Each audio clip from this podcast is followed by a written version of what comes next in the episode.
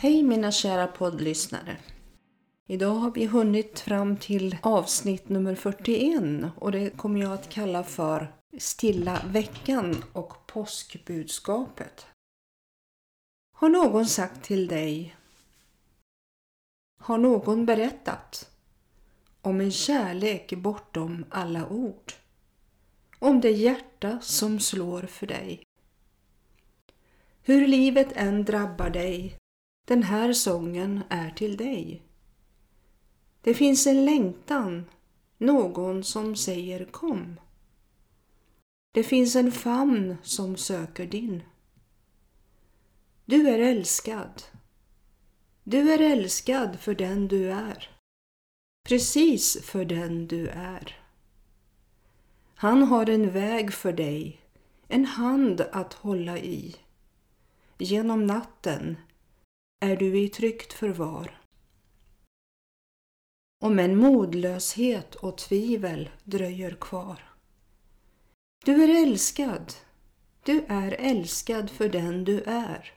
Precis för den du är. Du är älskad, gudomligt älskad, för den du är. Precis för den du är. Aldrig, aldrig mera ensam Alltid, alltid för evigt älskad. Om och om igen. Om och om igen älskad.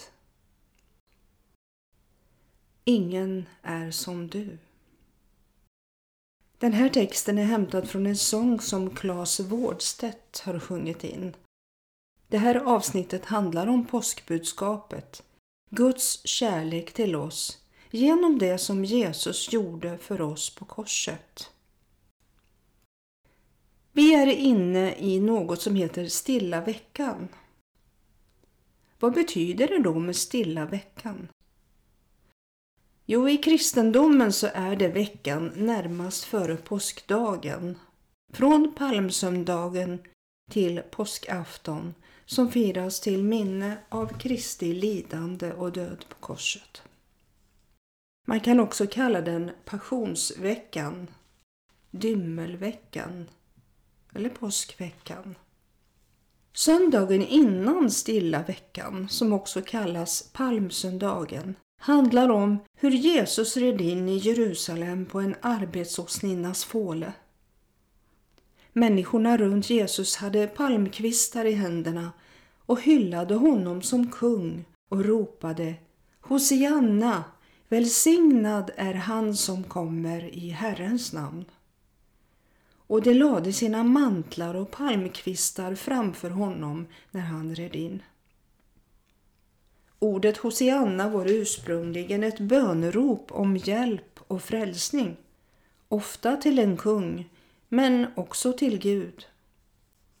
Orden ”han som kommer i Herrens namn” hänsyftade på varje pilgrim som drog upp till Jerusalem vid de stora högtiderna. Men här används det i en messiansk betydelse, alltså att de hyllade Jesus som Messias, som betyder den smorde. Måndagen i stilla veckan handlar om hur Jesus rensade tempelplatsen. Och detta står i Matteus 21, verserna 12-16. Jesus kom in på tempelplatsen och drev ut alla som sålde och köpte där.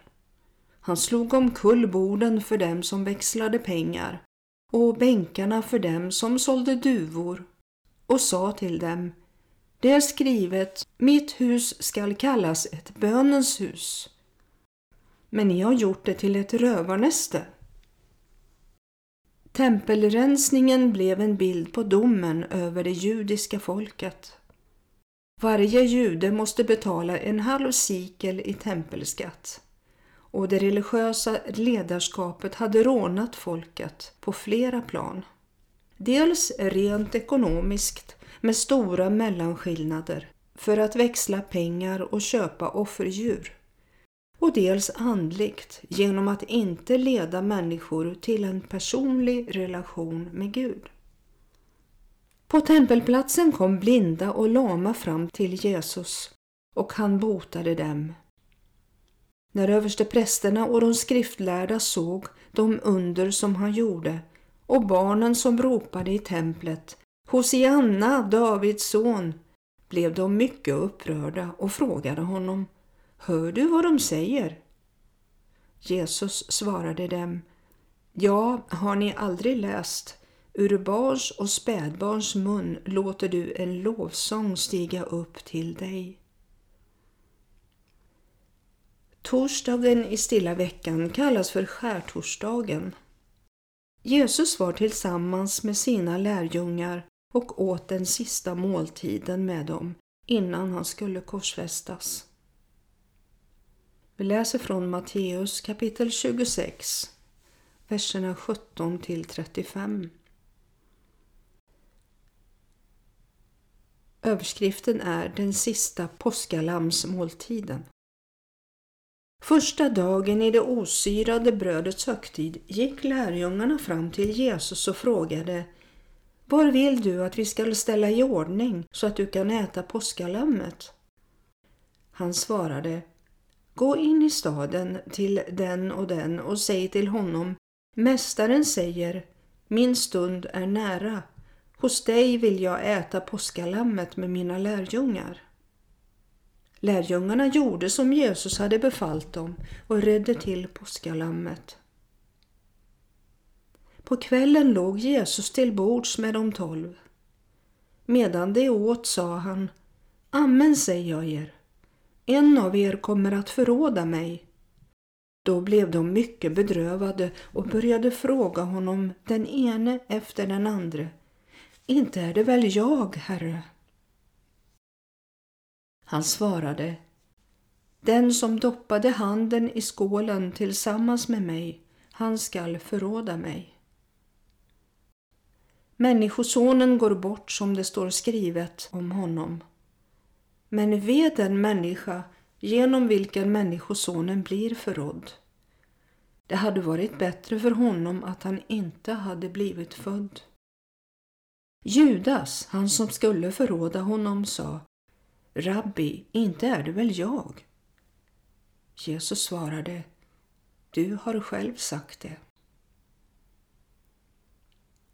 Medan de åt tog Jesus ett bröd, tackade Gud, bröt det och gav åt lärjungarna och sa Tag och ät. Detta är min kropp. Och han tog en bägare, tackade Gud och gav åt dem och sa Drick alla av den, ty detta är mitt blod, förbundsblodet, som är utgjutet för många till syndernas förlåtelse. Jag säger er, från denna stund kommer jag inte att dricka av det som vinstocken ger, förrän på den dag då jag dricker det på nytt tillsammans med er i min faders rike. När de hade sjungit lovsången gick de ut till Oljeberget. Varje gång vi tar nattvarden, bröd och vin, så gör vi det till åminnelse av Jesu död på Golgata. Brödet representerar hans kropp och vinet hans blod.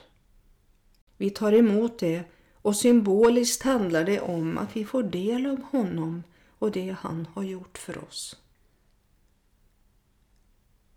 Jesus förutsäger Petrus förnekelse. Då sa Jesus till dem Denna natt skall ni alla överge mig. Ty det står skrivet Jag skall slå herden och fåren i jorden skall skingras. Men när jag har uppstått skall jag gå före er till Galileen. Petrus svarade honom Även om alla andra överger dig så skall jag inte göra det. Jesus sa till honom Amen säger jag dig, denna natt, innan tuppen gal, skall du tre gånger förneka mig. Petrus svarade honom Om jag än måste dö med dig skall jag aldrig förneka dig. Så sa också alla de andra lärjungarna. Vi fortsätter att läsa från verserna 36 till 46 i Matteus 26 kapitel. Och här är Jesus i Getsemane. Sedan gick Jesus med dem till en plats som heter Getsemane. Och han sa till lärjungarna Sitt här medan jag går dit bort och ber. Han tog med sig Petrus, Sebedeus båda söner, Jakob och Johannes. Ängslan och ångest kom över honom och han sa till dem Min själ är djupt bedrövad ända till döds. Stanna kvar här och vaka med mig. Och han gick lite längre bort, föll ner på ansiktet och bad. Min fader, om det är möjligt, låt denna kalk gå ifrån mig. Men inte som jag vill, utan som du vill. När han kom tillbaka till lärjungarna och fann att de sov sa han till Petrus Kunde ni då inte vaka en kort stund med mig? Håll er vakna och be så att ni inte kommer i frestelse. Anden är villig, men köttet är svagt. Sedan gick han bort för andra gången och bad Min fader, om denna kalk inte kan tas ifrån mig utan jag måste dricka den, så ske din vilja. Han kom tillbaka och fann ännu en gång att de sov. Så tunga av sömn var deras ögon. Då lämnade han dem och gick åter bort och bad för tredje gången med samma ord. Sedan gick han till lärjungarna och sa till dem Ni sover nu och vilar er. Se, stunden har kommit då Människosonen skall överlämnas i syndares händer. Stig upp, låt oss gå. Se, han som förråder mig är nu här. Om ni minns i förra avsnittet så berättade jag om att det är lätt att somna. Och det är så viktigt att vi som Guds barn måste vaka och be så att vi inte kommer i frestelse. Att vi blir bevarade från det onda. Jesus fängslas. Medan han talade kom Judas, en av de tolv, och med honom en folkhop med svärd och påkar, utskickad av översteprästerna och folkets äldste. Förrädaren hade gett dem ett tecken och sagt Den som jag kysser, han är det. Grip honom. Och han gick genast fram till Jesus och sa Var hälsad, rabbi, och kysste honom. Jesus sa till honom Min vän, varför är du här? Då gick de fram och grep Jesus och höll fast honom. En av dem som var med Jesus förde handen till sitt svärd, drog det och högg till översteprästens tjänare och högg så av honom örat. Då sa Jesus till honom Stick ditt svärd i skidan, ty alla som drar svärd skall dödas med svärd. Eller menar du att jag inte kan be min fader att han nu sänder till min tjänst mer än tolv legioner änglar? Men hur skulle då skrifterna uppfyllas som säger att detta måste ske? I samma stund sa Jesus till folkhopen Som mot en förbrytare har ni gått ut med svärd och påkar för att gripa mig. Var dag har jag suttit i templet och undervisat utan att ni grep mig. Men allt detta har skett för att profeternas skrifter skulle uppfyllas. Då övergav alla lärjungarna honom och flydde. Jesus fördes först till Hannas, svärfar till Kaifas som var överstepräst det året. Det var egentligen två rättegångar mot Jesus. En religiös och en civil. Båda dessa kan delas in i tre delar. Den religiösa rättegången var ett inför Hannas som var svärfar till Kaifas detta visar att det var judarna som var den drivande kraften bakom att Jesus fängslades. Om det varit romarna så skulle han direkt ha förts till Pilatus som var en romersk landshövding. Enligt Mose lag var Hannas den legitima översteprästen trots att han av den romerska landshövdingen hade blivit avsatt från sitt ämbete 15 år tidigare.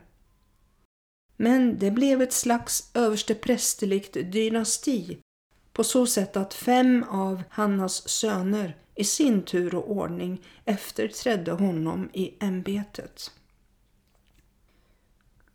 Och nummer två så fördes han inför Stora rådet. Kaifas som var överste präst och där de äldste och de skriftlärda hade samlats. Och sen nummer tre, inför detsamma igen, efter gryningen, där de beslutade att Jesus skulle dödas och där de band honom, förde bort och utlämnade honom till landshövdingen Pilatus. Och sen den civila rättegången. 1. inför Pilatus, 2. inför Herodes och 3. inför Pilatus igen. Man kan säga att det inte var en rättegång när han stod inför Kaifas utan en komplott. Man försökte då att skaffa fram något falskt vittnesmål mot Jesus för att kunna döma honom till döden. Det kom till sist fram två män som sa att Jesus hade sagt att han kan bryta ner Guds tempel och bygga upp det igen på tre dagar. Jesus teg då. Men vad han menade var att han talade om sig själv. Han blev nedbruten och dödad och uppstod sedan på tredje dagen. Kaifas blev då arg och frågade Jesus rent ut. Jag besvär dig vid den levande guden att du säger oss om du är Messias, Guds son. Jesus sa till honom då. Du själv sa det. Men jag säger er. Härefter skall ni se Människosonen sitta på maktens, Guds högra sida och komma på himlens moln. Jesus bekänner sig vara Messias, men inte en politisk Messias, utan en som är upphöjd över David genom Guds höger hand. Han var av Davids släkt. Då rev Kajfas sönder sina kläder och sa Han har hädat, ni hörde det själva. Då sa de äldste och skriftlärda Han är skyldig till döden. Medan Jesus var hos Kajfas så hände det som Jesus hade förutsagt angående Petrus. Han förnekade att han kände Jesus. Ja, tre gånger. Och efter det gol tuppen, precis som Jesus förutsade. Petrus gick iväg och grät häftigt. Därför att han var rädd att han skulle bli behandlad på samma sätt som Jesus att bli tillfångatagen och ställas inför Stora rådet och senare bli misshandlad och dödad. Det var därför som han förnekade Jesus. Jesus hamnar sedan hos Pilatus. Pilatus var alltså landshövding över provinsen Judeen mellan åren 26 till 36 efter Kristus. Han ansågs enligt Herodes Agrippa som en omedgörlig, hänsynslöst hård och grym man som anställde oupphörliga avrättningar utan laglig dom. Detta gjorde att det blev ett spänt förhållande till judarna. Men de var tvungna att vända sig till honom för att få dödsdomen över Jesus verkställd. Att Jesus hade så att säga hädat genom att han sa sig vara Guds son skulle inte hålla inför en romersk domstol som inte ville engagera sig i religiösa stridsfrågor. Inför Pilatus var det nödvändigt att ge intryck av att Jesus var en så kallad upprorsmakare mot den romerska ockupationsmakten. Pilatus ställer en rad frågor till Jesus om han till exempel är judarnas konung och Jesus säger att han kommit för att vittna om sanningen. Pilatus frågar då Vad är sanning? Jesus han sa ju Jag är vägen, sanningen och livet.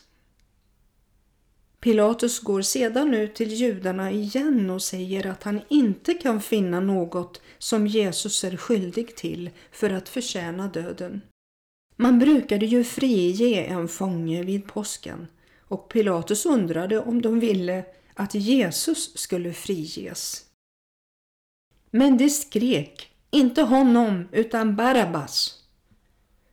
Barabbas hade lett ett uppror i Jerusalem och han var egentligen skyldig till det som Jesus anklagades för. Vad skall jag då göra med Jesus som kallas Messias? frågade Pilatus. Alla svarade Korsfäst honom! Pilatus frågade då Vad har han då gjort för ont? Då skrek de ännu högre Korsfäst honom! Då såg Pilatus att ingenting hjälpte och att oväsendet bara ökade. Han tog då vatten och tvättade sina händer inför folket och sa Jag är oskyldig till denne mans blod. Ni får själva svara för det. Folket svarade Hans blod må komma över oss och våra barn. Då frigav han Barabbas men Jesus lät han gissla och utlämnade honom till att korsfästas.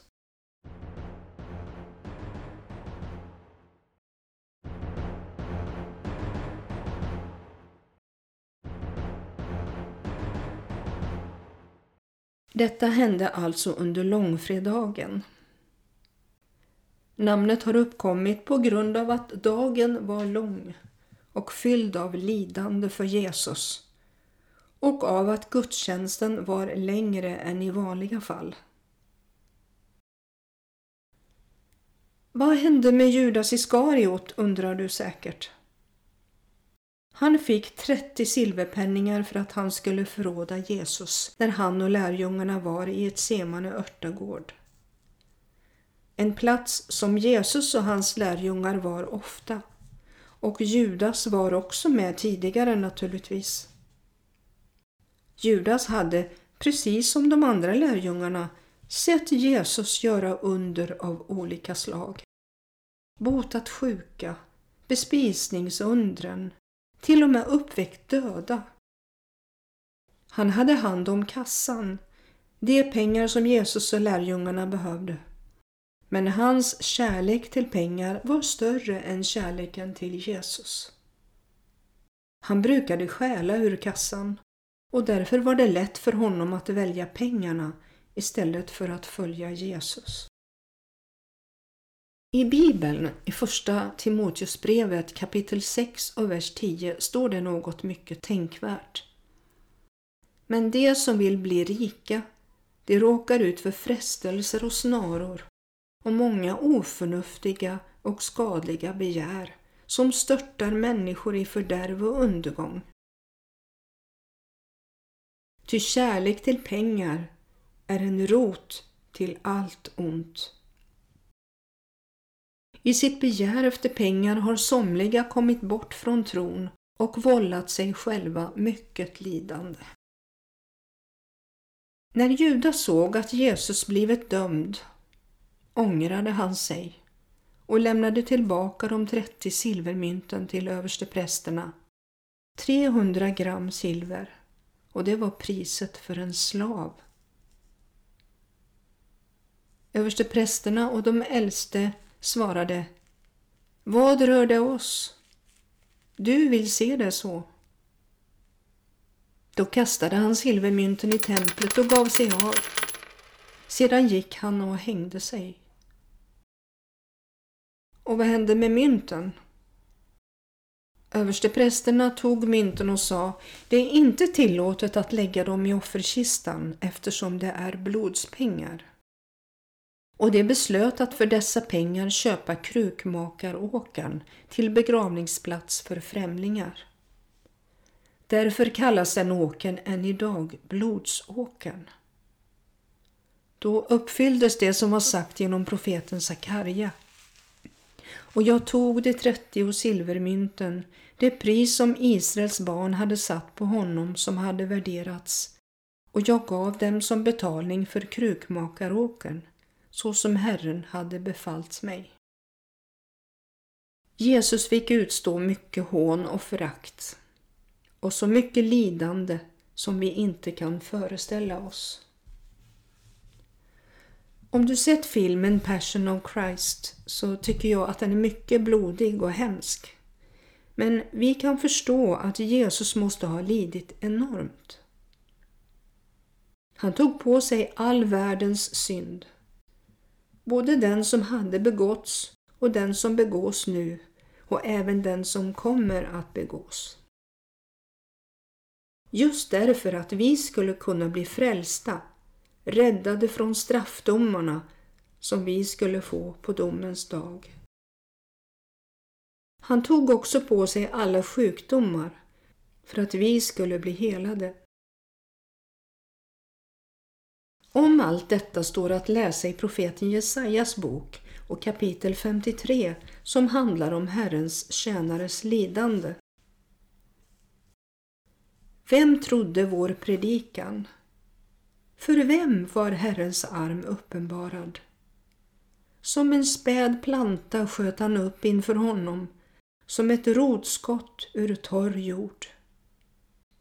Han hade varken skönhet eller majestät. När vi såg honom var hans utseende inte tilldragande.